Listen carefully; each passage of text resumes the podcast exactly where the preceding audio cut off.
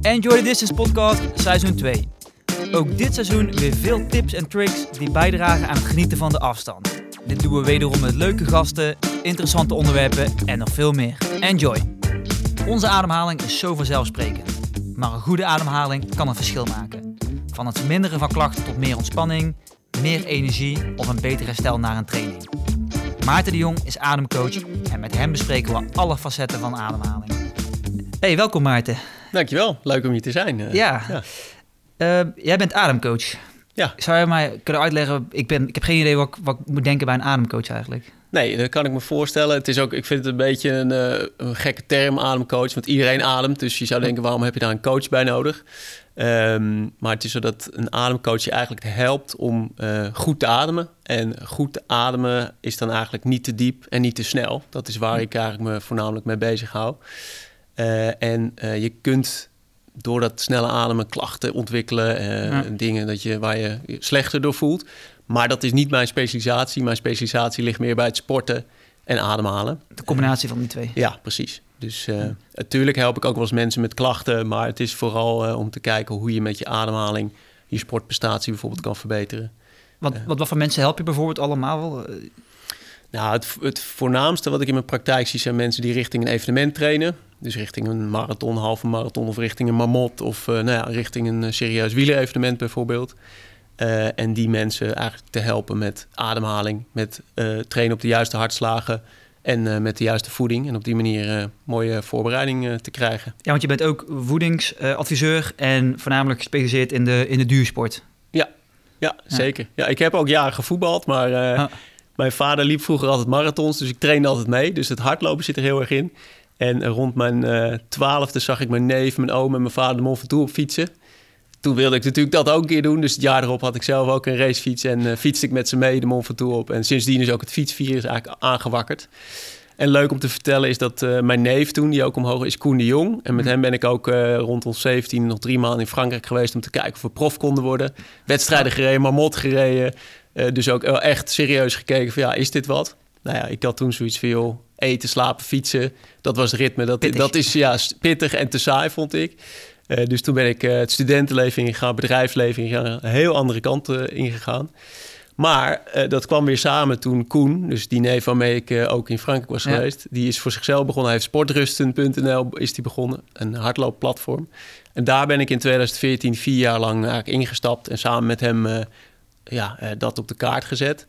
En toen ben ik ook echt in aanraking gekomen met ademhaling. Want ik vond het vroeger altijd een beetje vaag en zweverig. Ja, meditatie, ademhaling, mindfulness. Dacht ik altijd dat zijn mensen die eh, op een matje zitten te hummen en eh, met een lange baard. Eh, dat was mijn idee erbij eigenlijk. Totdat ik dus leerde van Koen en Stans van der Poel, die eigenlijk een beetje de mentor is van Koen. Die, dat is echt een ademgoeroe. Tot ik leerde van hen dat het veel meer fysiologisch is. Dus zij heeft ook ap- apparatuur ontwikkeld waarmee je kan meten wat je ademhaling doet, wat je hartslag dan doet en wat er dan in je lijf gebeurt op het moment dat je verkeerd ademt. En toen ik dat zag en toen ik daar zelf mee ben gaan experimenteren, dacht ik, wow, dit is wel echt heel gaaf. Dat ik merkte dat ik makkelijker in slaap eh, viel, dieper in slaap viel, uitgeruster wakker werd. En dat is natuurlijk voor iedereen heel gaaf. Maar voor een sporter die goed wil herstellen van zijn training, is Extra dat natuurlijk goud waard. Dus eh, Wat, wat, wat denk je dat het onderschat wordt, je ademhaling? Hoe belangrijk die is? Nou, weet ik niet. Ik denk dat veel eh, sporters zich wel heel erg bewust zijn van hun ademhaling. Dus dat ze ook wel heel erg ermee bezig zijn. En dat sommigen ook daar wel problemen mee hebben. Dus eh, met name bij hardlopers is dat denk ik wel een dingetje. Dat eh, ademhaling en hardlopen soms lastig is om dat onder controle te krijgen.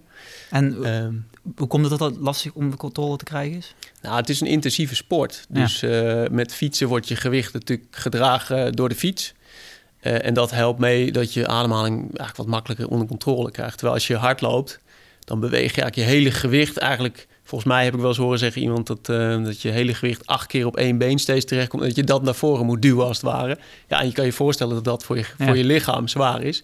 Ja, en dan ga je natuurlijk ook veel sneller, zwaarder eh, ademen. En dieper ademen en sneller Ah, ademen. Ja. Dus ja, dat, dat hoor ik wel eens. Oké. Ja. Want als je gaat kijken, als je, als je maar zo'n traject aangaat van coaching, hoe ziet dat eruit? Mm, nou, eigenlijk komen mensen echt bij mij eh, voor een test. Hm, Dus ik doe een rustmeting en een inspanningstest. De rustmeting houdt in dat, dat ze apparatuur omkrijgen.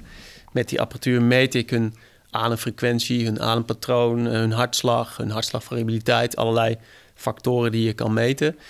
Uh, en dan doe ik wat testjes. Dus dan jaag ik ze wat stress aan door wat vragen te stellen. Ik laat ze even ontspannen.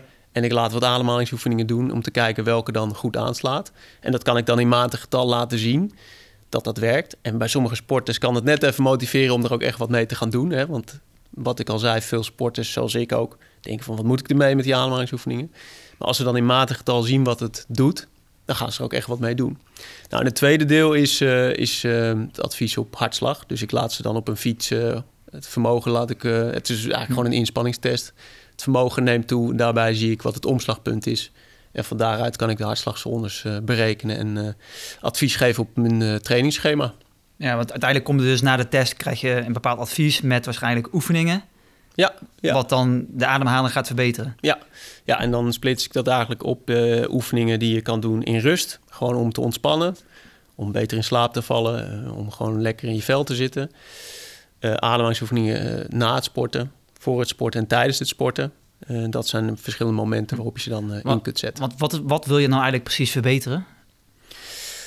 Um, ja, dat is natuurlijk per persoon heel erg verschillend. Um, of wat zijn, de, wat, wat zijn de, de elementen waar je naar kijkt binnen ademhaling? Wat je eigenlijk wat je kan verbeteren? Uh, ja, dus de ademfrequentie, hoe vaak per minuut adem je? Hm. Dus dat is wel een leuk voorbeeld meteen. Dat je dus, ik geef wel eens lezingen en dan zit er een zaal met 50 mensen.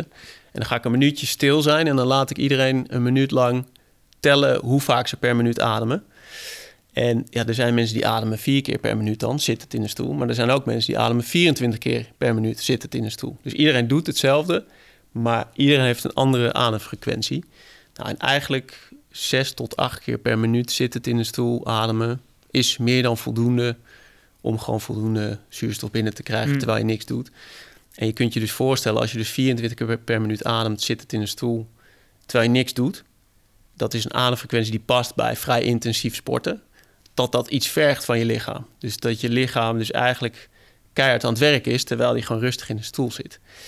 En als je dat dus kunt verbeteren door middel van ademtherapie, ga je daar heel veel, gaat heel veel winst opleveren. En voor de een kan het zijn uh, dat je van hoofdpijnklachten afkomt, of van hartkloppingen, of van ander soort klachten. En voor de ander is het meer dat je gewoon lekker ontspannen wordt, dat je beter in slaap valt en je sportprestatie verbetert, omdat je gewoon beter uitrust en uh, ja, gewoon beter hersteld naar je volgende training toe. Want dat is natuurlijk waar veel sporters juist uh, uh, wat meer over willen weten. Van ja, hoe herstel ik nou zo snel mogelijk naar mijn volgende training toe? En dat kan dus door middel van ademhalingsoefeningen. Dus die ademfrequentie naar beneden brengen, niet de teug te diep te maken. En dat kan ik allemaal uit die apparatuur halen. En er is een hele simpele manier dat je het ook zelf kan testen. Dus ik haal mijn eigen verdienmodel hier even onderuit meteen. maar als je een hartslagmeter omdoet en je doet een ademhalingsoefening en je ziet dat je hartslag zakt, dat is meestal een teken hm. dat de ademhalingsoefening goed aanslaat. Ja. Dus uh, dat is een goede manier om het thuis te testen. Maar dat, dat is dus voornamelijk focus op frequentie. En dan heb je nog de, de, de diepte van de ademhaling. Ja, dus je kan je voorstellen als je heel diep inademt en dan heel diep weer uit moet hm. ademen. Dat doet ook meteen iets met je hartslag. Dus dan moet je ook maar eens met een hartslagmeter om proberen. gaat meteen je hartslag omhoog. Ja, ja, sporthorloges. Precies, sporthorloges die laten dat meteen zien. Dus dat heeft een, uh, een relatie met elkaar. En dat is uh, leuk om, uh, om in beeld te brengen bij sporters. Maar dus, hoe zoek ik uiteindelijk dan die, die juiste teug, adem? Ja, dus dat doe ik eigenlijk door middel van ademhalingsoefeningen mee te geven. Uh, dat, dat, is per persoon verschillend, denk ik, of niet? Hoeveel... Nou, er zijn wel een, eh, twee algemene oefeningen die ik kan noemen... die echt wel aanslaan. En die, uh, die zijn we met, uh, met, met Sportrust en Stans van de Poel... die heeft daar echt wel patent op, laat ik zeggen. Want ja. die heeft die oefeningen echt wel een beetje in de wereld gebracht. En één oefening is je ademt in door je neus, ademt uit door je neus... En dan pauzeer je eventjes. En dan niet zo lang mogelijk, maar gewoon totdat je weer het gevoel hebt dat je in moet ademen. Dus je moet niet je adem gaan inhouden, uh, maar gewoon heel even pauzeren en dan weer doorademen. Dus in door de neus, uit door de neus, pauze. En dan heb je een cyclus van ongeveer 6 seconden, is dat ongeveer, 6, uh, 8 seconden. En dan gaat dus ook je ademfrequentie naar beneden. En de andere is dat je inademt door je neus en je uitademing wat verlengt door je mond. Ja. Waardoor je eigenlijk een verlengde uitademing krijgt. Uh, waardoor je ook vaak al wat minder hoge ademfrequentie hebt. Risico bij die laatste oefening is dat je te diep gaat uitademen. Te waardoor je dus weer te diep moet inademen. En dan heb je weer die te diepe ademteug. Dus dat zeg ik er altijd wel even bij. Ehm, maar wat hierbij dus interessant is in de fysiologie, wat er gebeurt in je lijf, Ja. is eh, dat je als mensen dus te snel ademen, dus ademen bijvoorbeeld 24 keer per minuut in rust, dan ben je eigenlijk de hele tijd eh koolzuur aan het afstoten.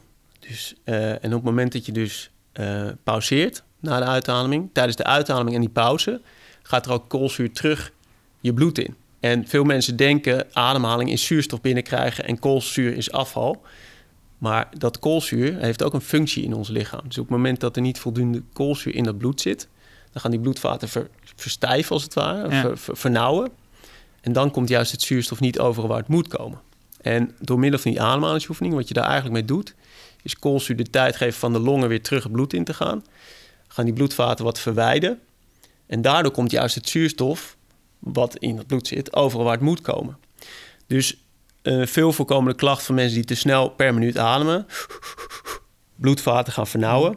Vervolgens koude handen, koude voeten, hoofdpijn. Want hier zitten allemaal, er zitten allemaal van die kleine haarvaatjes, van die bloedvaatjes, waardoor je hoofdpijn kan krijgen. Koude handen, koude voeten, darm. Want daar in de darm heb je ook van dat soort eh, kleine haarvaatjes. Eh, gejaagdheid, hartkloppingen. hè, Want dat hart moet natuurlijk op het moment dat je bloedvaten gaan vernauwen, dat hart moet natuurlijk heel hard werken om dat bloed overal te krijgen. Dus mensen met veel stress, die Ja, herkennen het waarschijnlijk die wel. herkennen waarschijnlijk ook wel een aantal van die klachten die ik nu net eh, noem. Ja. En voor een sporter is het natuurlijk goud waard om te zorgen dat er voldoende. Maar dan is, eigenlijk, dan is het eigenlijk toch een super quick win, of eigenlijk heel simpel, als je die oefeningen die je net omschrijft al bij kunnen dragen aan het verminderen daarvan. Zeker, ja. Dus eh, daar, dat was ook waarom ik destijds zo verbaasd was over de werking van die oefeningen. Dat het zo simpel is Ja. en zo, eh, zo effectief eigenlijk kan zijn. Hè? Want ik zeg echt niet dat het voor iedereen werkt en eh, dat het altijd werkt. Maar het, ook met hoofdpijnklachten of klachten, dat je denkt, ja, probeer eerst eens gewoon zo'n ademhalingsoefening voordat je allerlei pillen krijgt voor, ja, Ik snap waar allerlei Ja. eh, natuurlijk bijwerkingen aan kunnen zitten. Dus eh, ja, dat is wel, eh, wel echt. Maar zo'n oefening zou je dan eigenlijk iedere dag moeten doen, of twee keer per dag. Ja, ik, Of de hele dag door. ja het, het advies is om, om eh 10, 10 minuten per dag even bijvoorbeeld voor het slapen gaan die oefening te doen. Mhm.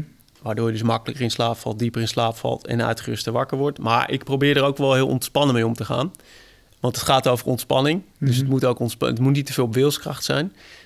Dus als je al gedurende de dag steeds een paar minuutjes er iets mee doet, heb je al winst op het, op wat je, hè, omdat je, het feit dat je nu niks doet. Mhm. Dus ehm, ik zou zeggen, probeer gewoon een beetje mee te gaan experimenteren en te kijken wat het je brengt. En eh, ja, als je dan echt een advies wil, dan probeer het gewoon 10 minuten voor het slapen gaan. Dat is één heel mooi moment om echt eh, gewoon eh, rustig te worden en in slaap te kunnen vallen. In plaats van op je telefoon te scrollen. In plaats van op je telefoon te scrollen. Ja, bijvoorbeeld. Ja, ja. Het is ook voor mij is best goed te combineren met bijvoorbeeld een eh, meditatie inderdaad. Want dan doe je voor mij dezelfde oefening. Qua ademhaling bijna. Verschilt ja. per meditatie natuurlijk. Meditatie is eigenlijk hetzelfde zeggen als sport. Dus je doet aan sport. En dan weet je eigenlijk niet welke sport. Want meditatie is een heel alomvattende term voor alle. Je hebt allerlei vormen van meditatie. eh, van, ja, ik ken ze ook niet allemaal, want ik zit heel, helemaal. Ik, zit, ik doe ook al- ik doe mediteer ook, maar ja, je hebt zoveel vormen in dat, eh, dat ik ze niet eens allemaal ken. Ehm, maar dit is eigenlijk wel een soort van meditatie. Alleen heel gericht en heel erg op de fysiologie in je lichaam eh, Ja. gericht. Niet Maar je op je, op je gedachten. Niet op je brein. Hè? Nee. Terwijl heel veel meditatieoefeningen zijn natuurlijk ge- opgericht om te Ja. observeren en te Precies. kijken naar je ademhaling. Wat doet je ademhaling? En dat je daar dan iets mee doet. Of niet, juist niks mee doet. Dat Ja. je het alleen maar observeert. Dus Precies. dat is het verschil. Dat je hiermee echt heel gericht gaat sturen. Iets gaat doen met je ademhaling, waardoor er iets in je lichaam gebeurt. Namelijk je hartslag gaat onder andere naar beneden. Terwijl bij meditatie probeer je echt eh, je, je brein eh, rustig te krijgen. En dat, zijn, dat onderscheid maak ik altijd wel graag. Want jouw meditatie is ook gefocust op ademhaling of juist op eh, de, de, de, het brein. Eh, nee, mediteer, als ik mediteer doe ik dat echt wel meer voor mijn brein. Om, eh, rustig te, om zeg maar, eh, mijn brein rustig te krijgen. Dus ik mediteer bijvoorbeeld graag eh 10 minuten in de ochtend voordat ik aan mijn eerste klus begin. Omdat het me helpt te concentreren met mijn eerste klus. En die ademhalingsoefening doe ik graag tijdens en na het sporten of voor het slapen gaan. Dat zijn de momenten waarop Hm. ik dat graag doe. Ehm, ja, en, en dat mediteren, dan, dan doe ik veel meer met het observeren van mijn ademhaling. ja. Want in, in, eh, in beginsel moet je ademhalen via je neus of via je mond? Of is daar eigenlijk geen, eh, geen standaardregel in? Nou, eh, in principe is, kan je prima in rust ademhalen door je neus. Je neus filtert ook de lucht, dus daar is het, dat is eigenlijk hartstikke goed om te doen. En wat ik Stans wel eens heb horen zeggen, ehm, is heel veel wielrenners... die hebben last van astmaklachten. En daar ligt een, een relatie met ademhaling. Namelijk het feit dat heel veel wielrenners natuurlijk bij forse inspanning... hun mond open doen, zwaar gaan ademen... en vervolgens natuurlijk van alles in hun mond krijgen... wat uh, ja, uh, tijdens het koersen natuurlijk gebeurt. Hè? Ja. Van, van autogassen tot uh, vuiltjes die door de lucht zweven. En dat kan klachten geven met je ademhaling. Nou is het natuurlijk zo dat je tijdens het sporten op een gegeven moment altijd door je mond moet ademen. Ook bij hardlopen toch? Ook bij hardlopen. Hè, dus, hoe, hoe, hoe, hoe komt dat? Dat ja, moment... op, op, een gegeven moment kun je natuurlijk veel beter uh, diepe teugen nemen. Door die, je neus is toch beperkt in, ja. in wat hij op kan okay, nemen. Ja. en er zijn ook theorieën. Mario Meesters heeft een mooi boek geschreven, Zuurstofwinst. Dat is een theorie van een Amerikaan. Die, dat heeft ze in Nederland uitgebracht. Waarbij je dus met neusademhaling kan trainen. En dan kun je hoogte, hoogte stages simuleren. Oh, super interessant. Is super interessant. Ook leuk misschien om een keer uit te nodigen. Nee. Um, maar die, uh, dus die zegt, je kan ook met sporten alleen maar door je neus ademen. En dan oefen je dat. Uh, daar ben ik daar deels voorstander van. Dus als je dat bijvoorbeeld één keer in de week doet, is mooi. Maar je beperkt jezelf omdat je nooit het maximaal uit jezelf haalt als je alleen maar door je neus ademt. Dus je kunt niet je maximale prestatie halen door alleen maar door je neus te ademen. Want je benut niet je volledige capaciteit. Precies. Dus ja. je wilt natuurlijk ook uh, je, je training af en toe intensief maken. En dan heb je gewoon die mond ook nodig bij die ademhaling. Ja. Dus, uh, het is wel beter dan in zo'n zo tent slapen. Ja, dat lijkt me ook. Ja, ja, ja zeker. Ja, okay. Het scheelt weer een tripje naar het buitenland ook. Uh, ja. Ja, ja. Dus ook heel interessante materie is dat. Ja. Ja. Um, wat ik ook wel interessant vind, is uh, die, die oefeningen die je omschreven was eigenlijk voor tijdens rust. En ja. Wat voor oefeningen je dan tijdens, tijdens sporten kan doen? Uh, ja, dat is eigenlijk. Um, dan moet je eigenlijk de pauze altijd vergeten. Want tijdens het sporten kun je het natuurlijk niet meer pauzeren na de uitademing. Dus dan nee. eigenlijk het enige wat je hoeft te onthouden is het verlengen van de uitademing. Dus zolang je de uitademing kan verlengen, dan zit je eigenlijk goed. En wat je dan ook met een hartslagmeter wel eens kunt proberen, is dat je bij hetzelfde tempo eens kijkt of je hartslag zakt als je dat gaat doen. Dus als je echt bewust je uitademing gaat verlengen. Want je gaat gewoon het, het proces vertragen van, van, de, van je hart, uh, ja, ja, hartritme. Ja, dus, dus uh, eigenlijk dat wat ik net hartslag. vertelde van de, dus dat je bloedvaten wat gaan ja. verwijderen, ja, dat kun je dus tijdens het sporten ook bereiken, dat je hart minder hard hoeft te pompen. Ja. Dus, dus omdat je die, uh, die teug verlengt. Ja, omdat je uit, die uitademing verlengt als het ware. En er zijn meerdere manieren waarop je dat kan doen. De eerste is gewoon de uitademing verlengen. Dus wat ik net deed, ja, het is natuurlijk voor de luisteraars niet te zien, maar je ademt in door je neus en dan verleng je uitademing door je, uh, je wangen wat op te laten bollen, je lippen wat te tuiten, waardoor je eigenlijk wat druk tegen je lippen zet. Ja. En daardoor verleng je als het ware uh, die uitademing. De longblaasjes worden daardoor ook wat groter en efficiënter. Zie je wel veel bij sport, hè? dat, de, ja. dat uh, uitblazen inderdaad. Ja. Dat, die, uh, dat je, je je wangen opblaast. Ja, ja. dat klopt. dat, dat is Koen, dus mijn neef heeft daar wel eens een mooie vergelijking gezien op tv van... volgens mij was het Bogert met Vinokourov in de Amsterdam Gold Race... dat ze samen in die finale reden. En dat, dat ze de Kouberg op gingen... En Bogert die was op zijn bogerts met uh, vol zijn uh, witte tanden in beeld. Heel erg aan het hijgen door zijn uh, mond. Mm -hmm. En Vinokourov was echt nog... Echt nog met, door zijn neus ademen, door zijn mond opbollen. En ja, die was echt door zijn mond aan, aan het ja, Ik kan me wel voorstellen bij wielrennen dat je natuurlijk heel snel last van verzuring en vollopen. Ik denk als je ademhaling goed onder controle hebt, dat, dat je dat ja, je kan dat dus wat, uh, wat, wat uitstellen in ja. de zin van dat je dus je hartslag wat verlaagt bij hetzelfde niveau. Dus ja, het moment voordat ja. je bij dat omslagpunt bent, is, duurt wat langer. Ja. En dan, ja, daardoor kun je dat allemaal wat uitstellen. En uh, Finecour won die dag ook. Nou, was dat niet alleen maar door de ademhaling nee. waarschijnlijk, maar... Uh, maar goed, dat laten we die kant maar niet op gaan. Nee, precies. Laten we dat gewoon uh, ja, laten we de ademhaling houden. Ja. nee, dus, dus dat is één. Dus het, uh, de uitademing verlengen door je druk op je lippen. Ja. Je kunt de uitademing uh, verlengen door het te koppelen aan je pas of pedaaltred als het ware. Dus als je bijvoorbeeld hard loopt, drie passen in, vijf passen uit. En met wielrennen dat je uh, vier uh, omwentelingen in en zeven uit bijvoorbeeld. Ja. En dat is natuurlijk in het begin een beetje puzzelen, omdat je, nou ja, je moet een beetje dan uitkomen. Sommige mensen vinden dat ook verschrikkelijk om dat op die manier te doen, want ze raken helemaal in de war van waar was ik ook weer gebleven met die pas en mijn ademhaling. Dus dan moet je die vooral vergeten en die eerste doen. En de andere is dat je gewoon uitademt in delen, dus dat je op die manier gaat uitademen. Uh, dat, is, uh, dat is de derde, de derde manier waarop je dat eigenlijk kunt uh, proberen. Wat gebeurt er als je het in delen gaat doen? Eigenlijk hetzelfde effect als net. Ja, dus je ademt gewoon in. En door het in delen te doen, gaat eigenlijk automatisch die uitademing langer zijn dan die inademing. Maar het, het, zijn gewoon drie technieken die je kunt gebruiken om, ja. om, het voor elkaar, om hetzelfde doel eigenlijk te, voor elkaar te krijgen. Alleen voor de een werkt de een beter en voor de ander werkt de ander beter. Dus dan moet je gewoon eigenlijk een beetje experimenteren wat jou het beste ligt. Ja, ja, ja. Dus uh, ja, dat is uh, zeker goed om te doen.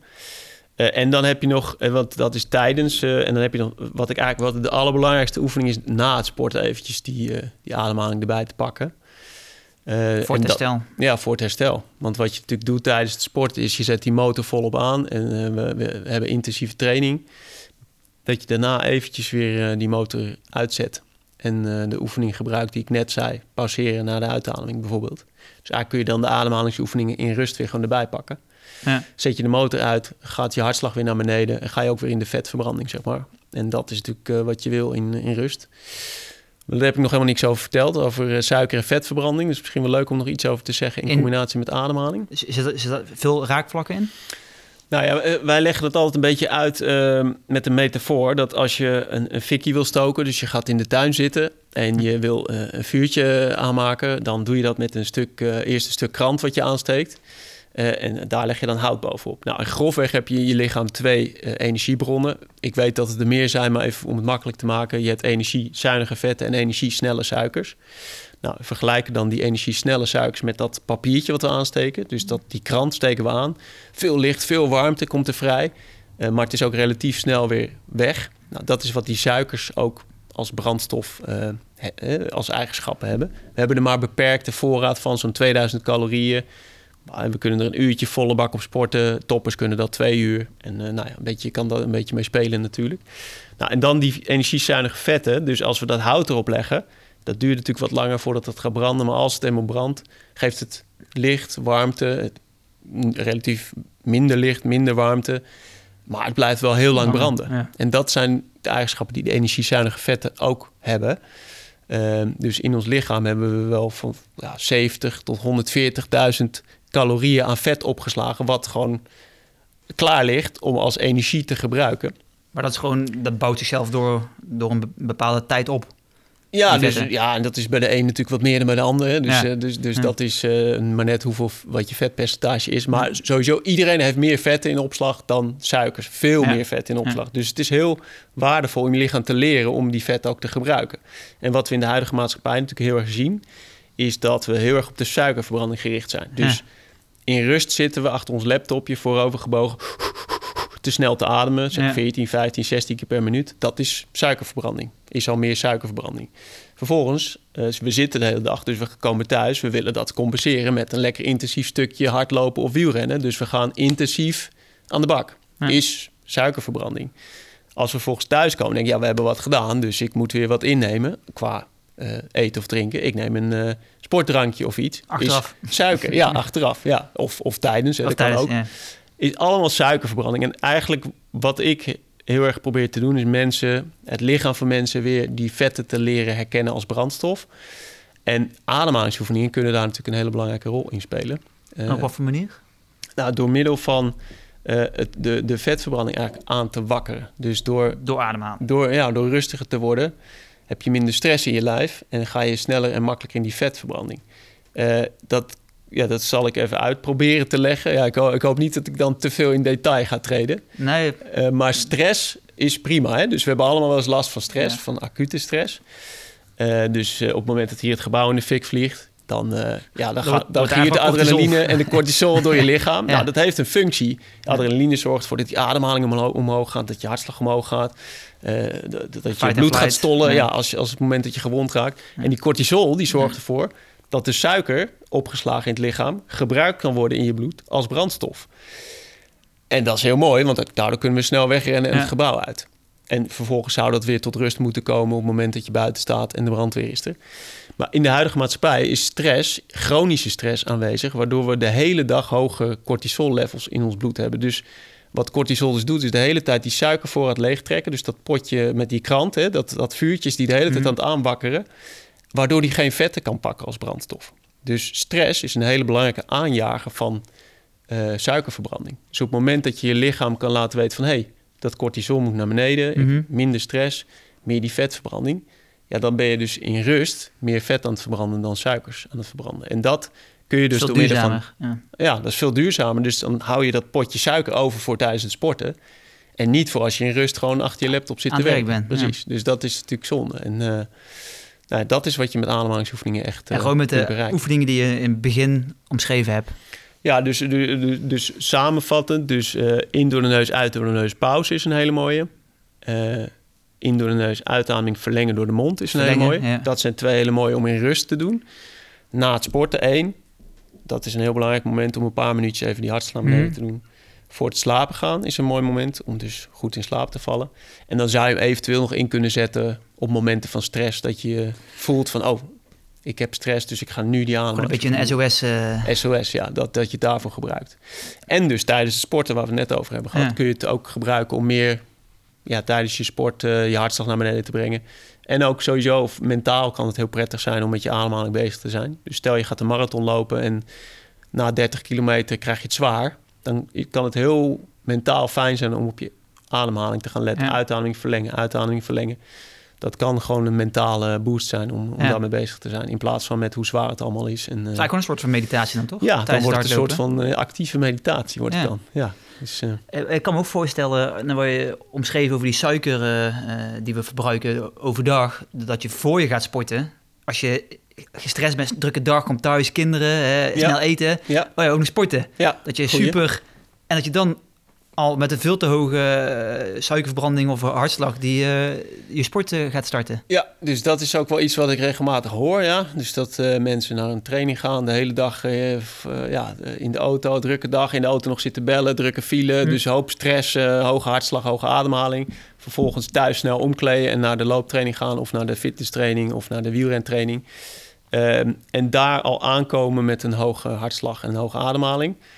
Eh, en dat zijn vaak de mensen die bij een warming-up vooraan lopen. Want die, eh, die hebben zeg maar een, een, een hoge ademfrequentie en een activiteit die er niet mee matcht. Dus wat die willen, die willen zo snel mogelijk die activiteit richting het niveau van de ademfrequentie krijgen. Dus op het moment dat je dan, zeg maar, normaal in rust heb je een ademhaling van 6 tot 8 per minuut en zij zit al op 24, dan denk je, eh, ik voel me heel gejaagd, dus ik, ga, ik wil snel harder gaan lopen. Ik wil naar die 24 ademhalingen per minuut. Want dat voelt dan... kom- Dat voelt comfortabel, dat Ja. voelt lekker, dat voelt ontspannen. Eh, en dat risico, er zit een risico in dat je dus te snel gaat trainen, te ver gaat trainen, dat je blessures gaat krijgen. Dus door voor sport eventjes die, ehm, die ademfrequentie richting de 6 tot 8 te krijgen, dat het matcht met de activiteit die je dan aan het doen bent, namelijk niks. Dat je dan langzaam die training gaat opbouwen. Ja, dat is goud waard op het moment dat je dus merkt dat je vaak gejaagd aan een training Hm. begint. Dat je pijntjes krijgt omdat je te hard gaat lopen, te, ja, te gespannen gaat lopen. Daar kan dat echt wel bij eh, helpen. Dus dan is dat zeker een hele waardevolle aanvulling voor je training. Eh, maar ik zeg er wel altijd bij dat ik de ademhalingsoefening na de training belangrijker vind om te doen. Omdat dat echt die vetverbranding weer aanzet na, je, na het sporten. Trouwens, nog even een bruggetje naar de mensen die willen afvallen. Dat vet- en suikerverbranden heeft natuurlijk ook heel erg te maken met of je wel of niet afvalt. Dus op het moment dat je heel veel stress hebt Mhm. en je zit de hele tijd in die suikerverbranding, ga je natuurlijk ook Spreken niet vet, afvallen. spreken die vetten niet aan. Precies. Dus je bent de hele tijd dat suikerpotje aan het leegtrekken. Ja. Wat vanzelf elke keer weer aanvult omdat je eet. Maar dat vetpotje blijft ongebruikt. Dus dat vetpotje blijft. En wordt meer ook op het moment dat je veel eet. Nou, ik kreeg opeens een, eh, een openbaring. Oh. Kijk, ik heb ook natuurlijk, iedereen heeft ook een moment van stress. En ik merk wel op momenten van stress, als ik dan s'avonds op de bank ga zitten, dat ik veel meer zin heb in iets zoets. Ja. En dan komt waarschijnlijk dan mijn suiker dan. Ja, dus, ja, dat komt zeker door die, door, door die suiker. Dus wat cortisol doet, is die zorgt voor, die gaat je bloedsuikerspiegel om, omhoog krijgen. Zodat je hard weg kan rennen bij Ja. een stressgeval. Hm. Eh, dus ja, op een gegeven moment is dat, eh, is dat in de piek en zakt dat ook weer. En op dat moment krijg je ook weer zin en trek in zoetigheid. Dus Ja. ja, je, je krijgt weer gewoon zin om, eh, om te snijden, als het ware. Dus stress is, kan een enorme aanjager zijn van, ja, van eten. Maar dat is, dat is best wel lastig voor topsporters. Want ik snap, soms ben je van je voor een, een- misschien met een marathon ben je hartstikke zenuwachtig en misschien ook wel gestrest voor de prestatie die je moet leveren. Ja. Dat dat heel slecht invloed heeft op, op die, eigenlijk de prestatie van die dag. Ja, zeker. Dus uh, je ziet ook wel dat er steeds meer aandacht voor is in de sport. Zowel voor ademhaling als voor uh, de psyche van, uh, van de sporter. Ja. Om dat ja, rustig te krijgen. Maar ja, het, het is natuurlijk wel goud waard om te zorgen dat je met een relatief rustige hartslag relaxed begint aan zo'n race. Ja. Afhankelijk van wat voor sport je natuurlijk. We hebben het over duursport. Ja. Dus voor een sprinter is het op zich uh, prima als die natuurlijk. Uh... Die doen heel veel visualiseren, toch? De sprinters ja, zijn, ja. Uh... dus dat, dat is ook niet mijn tak van sport. Dus daar heb ik ook niet veel verstand van. Maar die, ja, die, die, die, voor, voor hen is het op zich prima om ja, geboost aan zo'n. Ja.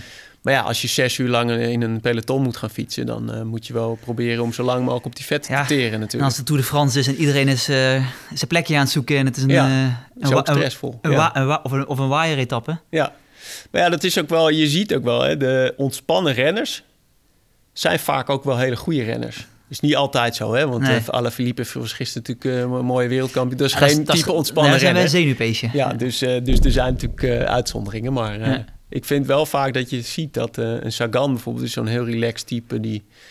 Relaxed, nou, die, dat is gewoon zo'n ja, ontzettende coole kikker.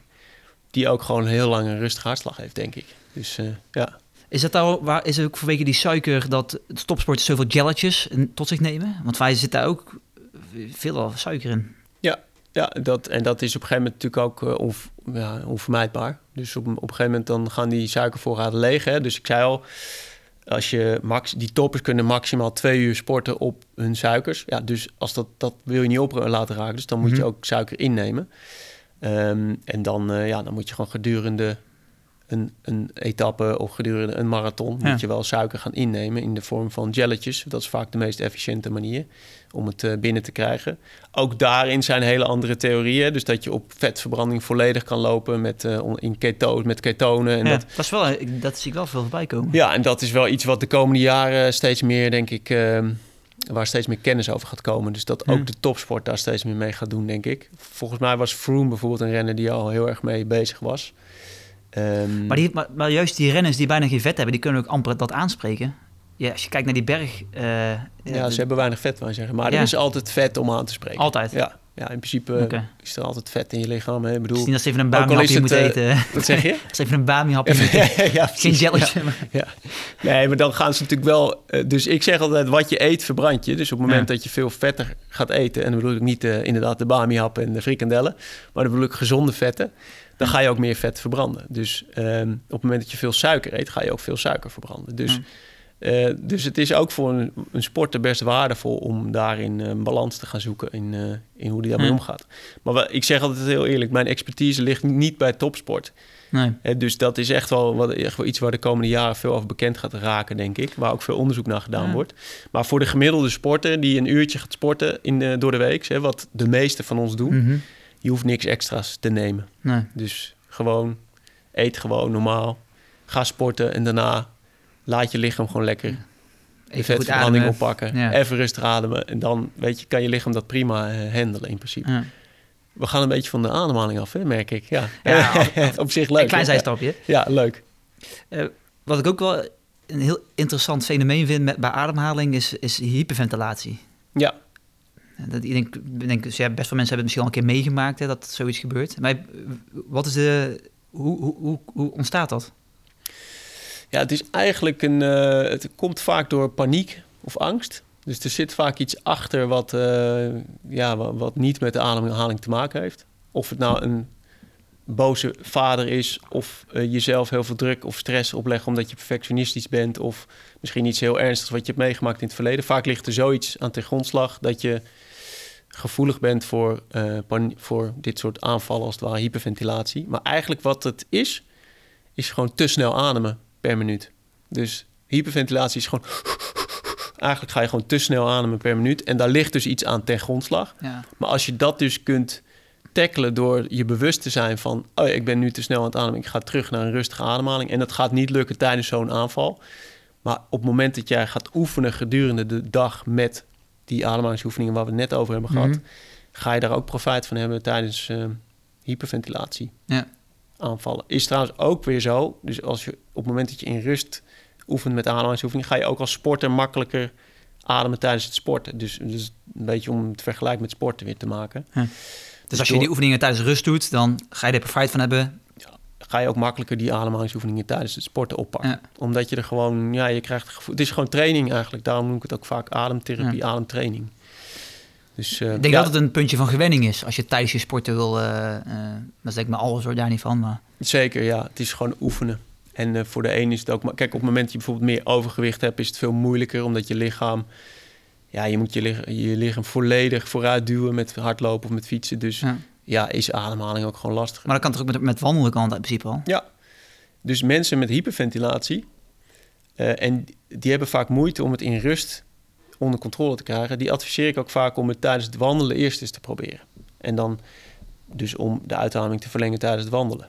Omdat je dan, ja, dan is het vaak meer in balans, waar we het net al over hadden. Dat je tijdens het lopen, wandelen of rustig fietsen, Mhm. die ademhaling veel makkelijker onder controle krijgt dan, eh, dan Ja. zit het in een stoel. Omdat dat heel eh, Ja. onvertrouwd aanvoelt. Ik vind overigens wel ademhaling een van de, voor mijzelf, een van de beste ontstressers die er is. Want als je gaat zitten en je doet echt even die uitademing, je voelt gewoon je schouders, alles Ja. zacht, je voelt gewoon de, de, de spanning afnemen. Ja.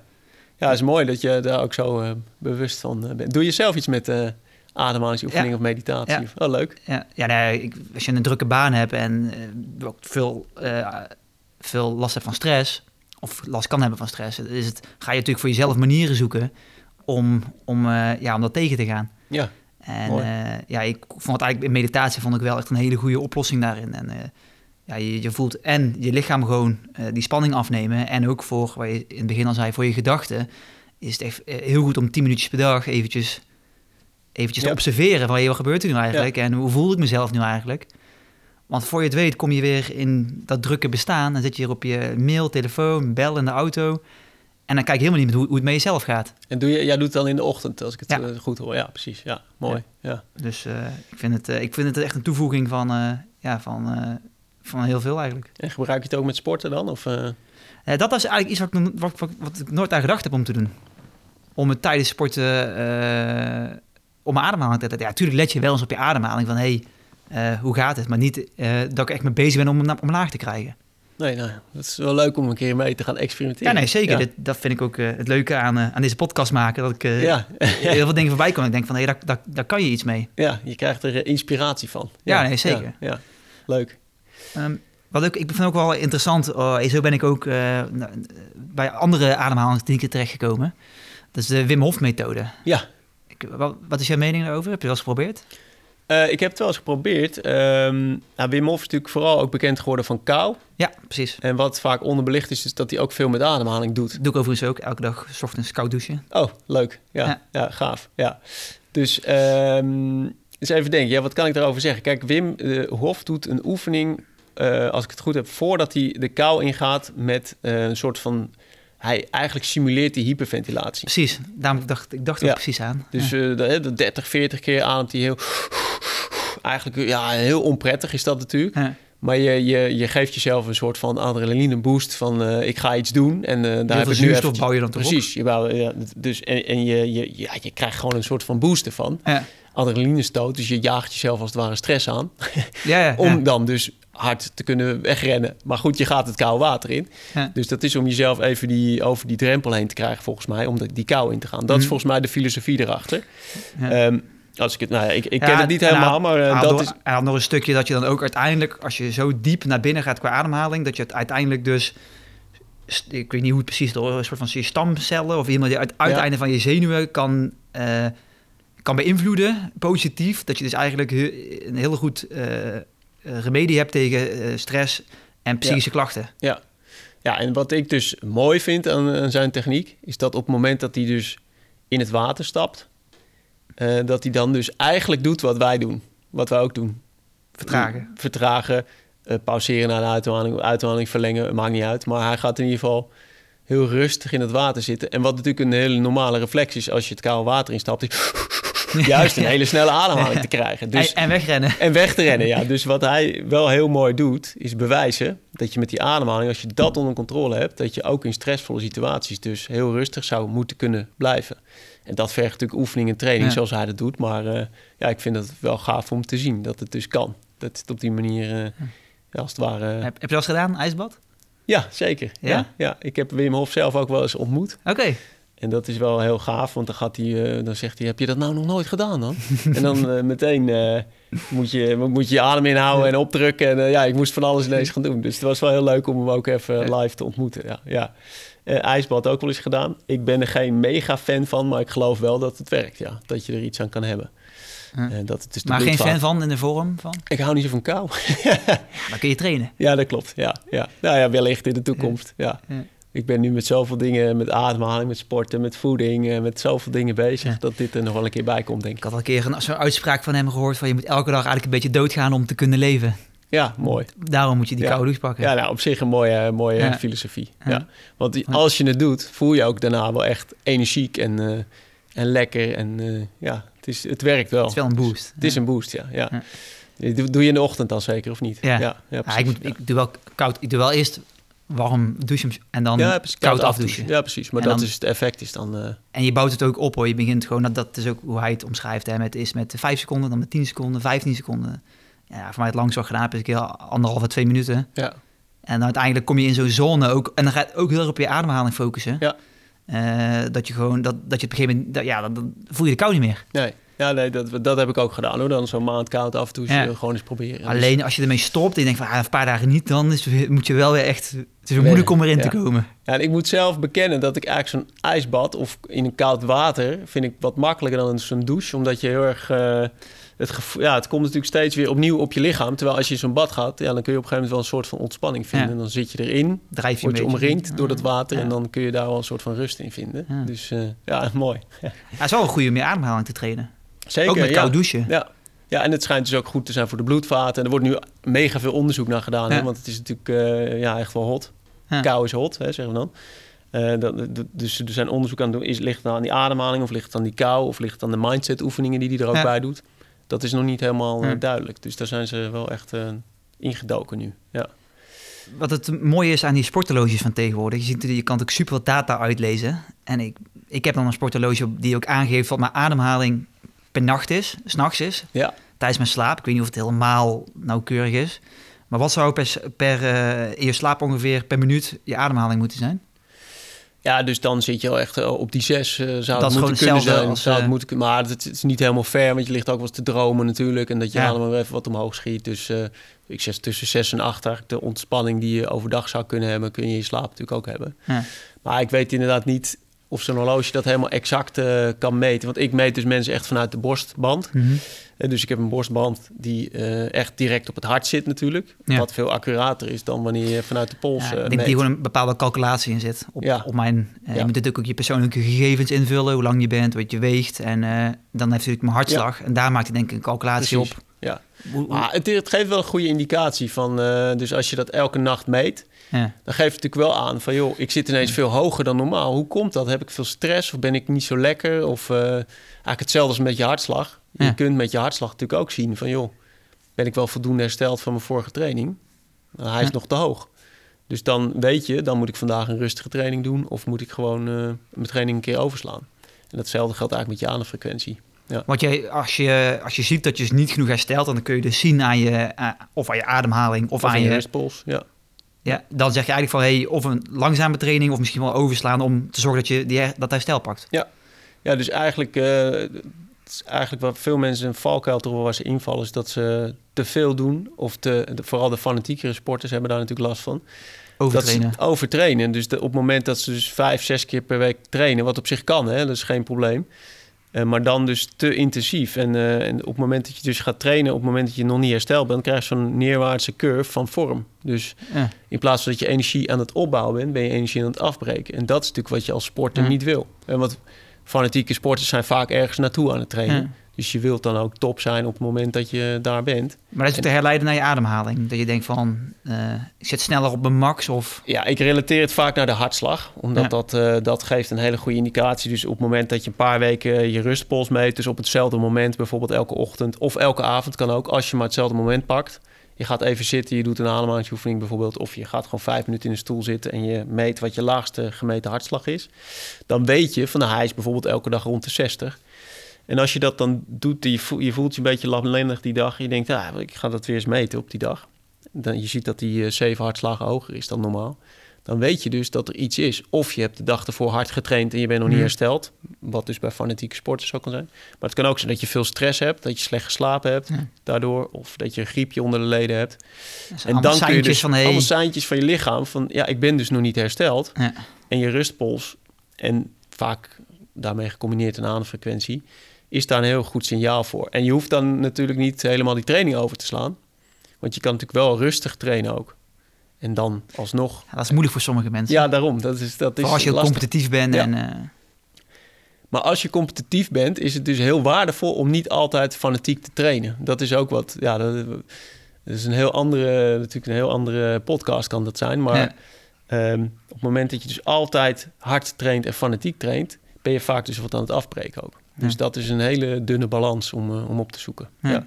Ja, En met ademhalingsoefeningen kun je dat dus wel bevorderen, dat herstel. Ja. Dat je sneller en beter herstelt voor je volgende training. En dat is echt iets wat je daarmee kan bereiken. En daarom, daarmee super waardevol. Ja. Ja. Dus eigenlijk heeft ademhaling impact op, op heel veel dingen. Ja, en dat is eh, wat mij uiteindelijk zo gefascineerd heeft aan het onderwerp. Dat eh, zoiets simpels wat we allemaal doen. Je denkt het gaat heel Ja, je- je- bewust, heel, ja, je, heel doet, je doet er geen moeite voor. Ja, je doet er niks voor en Nee. toch heeft het zoveel eh, invloed. Ja. Dus eh, ja, Iets bewust te zijn van hoe je ademt.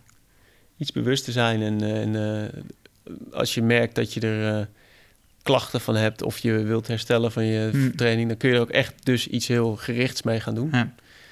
Dus, en wat ik al zei, heel belangrijk vind ik dan ontspannen ermee omgaan. Dus Ja. niet, ik moet elke dag eh, een kwartier dit of zus, maar probeer het relaxed te doen, want het is ook een relaxed onderwerp. Dus ja, probeer gewoon dagelijks eh, er wat mee te doen. Dus eh, ja. Want als we nou nog zeg maar samen, samen moeten vatten voor, voor sporters, hè, van hey, wat zijn nou echt de tips die jij mee kan geven? Hoe zou je het dan samenvatten? Ja, dus als je iets met ademhaling wilt gaan doen, dan zou ik allereerst in rusten wat mee gaan doen. Dus de oefening in door de neus, uit door de neus, pauze of de uitademing verlengen. Na het sporten, dat is de belangrijkste, en voor het slapen gaan. Dat zijn eigenlijk de twee momenten om het in rust te doen. Tijdens het sporten ehm, uitademing verlengen. Proberen, gewoon mee, mee experimenteren, kijken wat het doet met je hartslagmeter. Ehm, nou, dat, is eigenlijk, dat zijn eigenlijk, weet je, ik kan nog wel meer bedenken, maar ik denk eigenlijk dat als, als je hier allemaal aan de slag gaat, Heb dat het zoveel winst, wins? eh, Ja. ja, gaat zoveel winst opleveren. Ja. Ja, dus eh, dat zijn eigenlijk wel de, de belangrijkste tips, denk ik. eh, Oké, ja, ik, ik, ik vind het heel interessant in ieder geval. Ik, eh, ik ben sowieso geïnteresseerd in het eh, tijdens het sporten.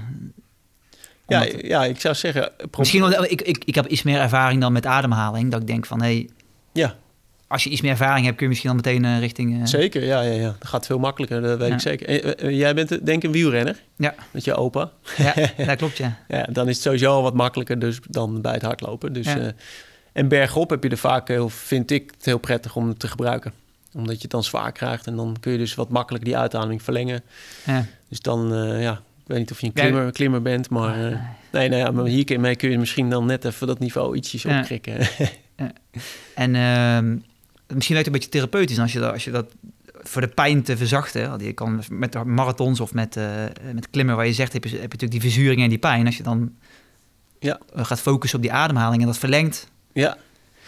Ja, is wel leuk. eh, verzacht, verzacht de pijn wellicht ook een beetje. Ja, zeker. Ja. Het is iets mentaals. Het verzacht de pijn. Je hartslag gaat naar beneden. En het is wel leuk. eh Aart Vierhouten die heeft met Koen, dus mijn neef, ook een boek geschreven. Kopwerk heet dat. Ja? Over eh, wielrennen dus. En ademhaling ook. Ehm, en hij schrijft er ook over een anekdote volgens mij... dat hij dus ehm, een hele zware dag heeft op uh, Alpe d'Huez of zo. Of in Mhm. ieder geval in de bergen. En Aart is natuurlijk geen, geen klimmer van nature. En Nee. hij moest de dag ervoor werken voor, voor eh, Robbie Mc- McEwen, geloof ik. Kan dat? Ja, Dacht kan ik. ja. ja. Dat was- in, de lotto-tijd. Ja, precies. Ja. Dus eh, hij was al helemaal stuk en toen moest hij dus daarna een berg etappen. En dat hij dus eigenlijk bu- buiten tijd zou komen, maar dat hij uiteindelijk heeft die, die ademhaling gebruikt om uiteindelijk gewoon toch gewoon op tijd binnen te komen en eh, ja, gewoon de toeren uit te kunnen fietsen als het ware. Dus ja, ik, ik- dat zegt wel denk ik hoeveel je kan doen met die ademhaling. Ja. Ja, vind ik gewoon mooi, mooie eh, verhalen. Mooi uit, mooi de praktijk dan te horen wat Ja. het kan doen. Ja, precies. Ja, dus eh, Oké. mooi. Ik wil eigenlijk afsluiten met eh, een vraag die we bij elke podcast stellen. En dat is wat enjoy the distance voor jou betekent. Dus genieten van de afstand. Ja, dat is een goede vraag. Eh, dus eigenlijk, eh, eigenlijk vind ik dan, eh, want ik, ik train heel vaak gericht richting een evenement. En dan Mhm. met hartslagmeters en zo. En, en dat is het dus zeker niet. Voor mij is het meer dat je gaat, ja, gewoon de deur uitgaat met de fiets of op je hardloopschoenen. En Mhm. dat je gewoon gaat en kijkt waar de, waar de weg je brengt. En op de mooiste plekjes. dus zoals nu in de zomer ben ik bij Lago Maggiore op vakantie geweest, fiets je mee.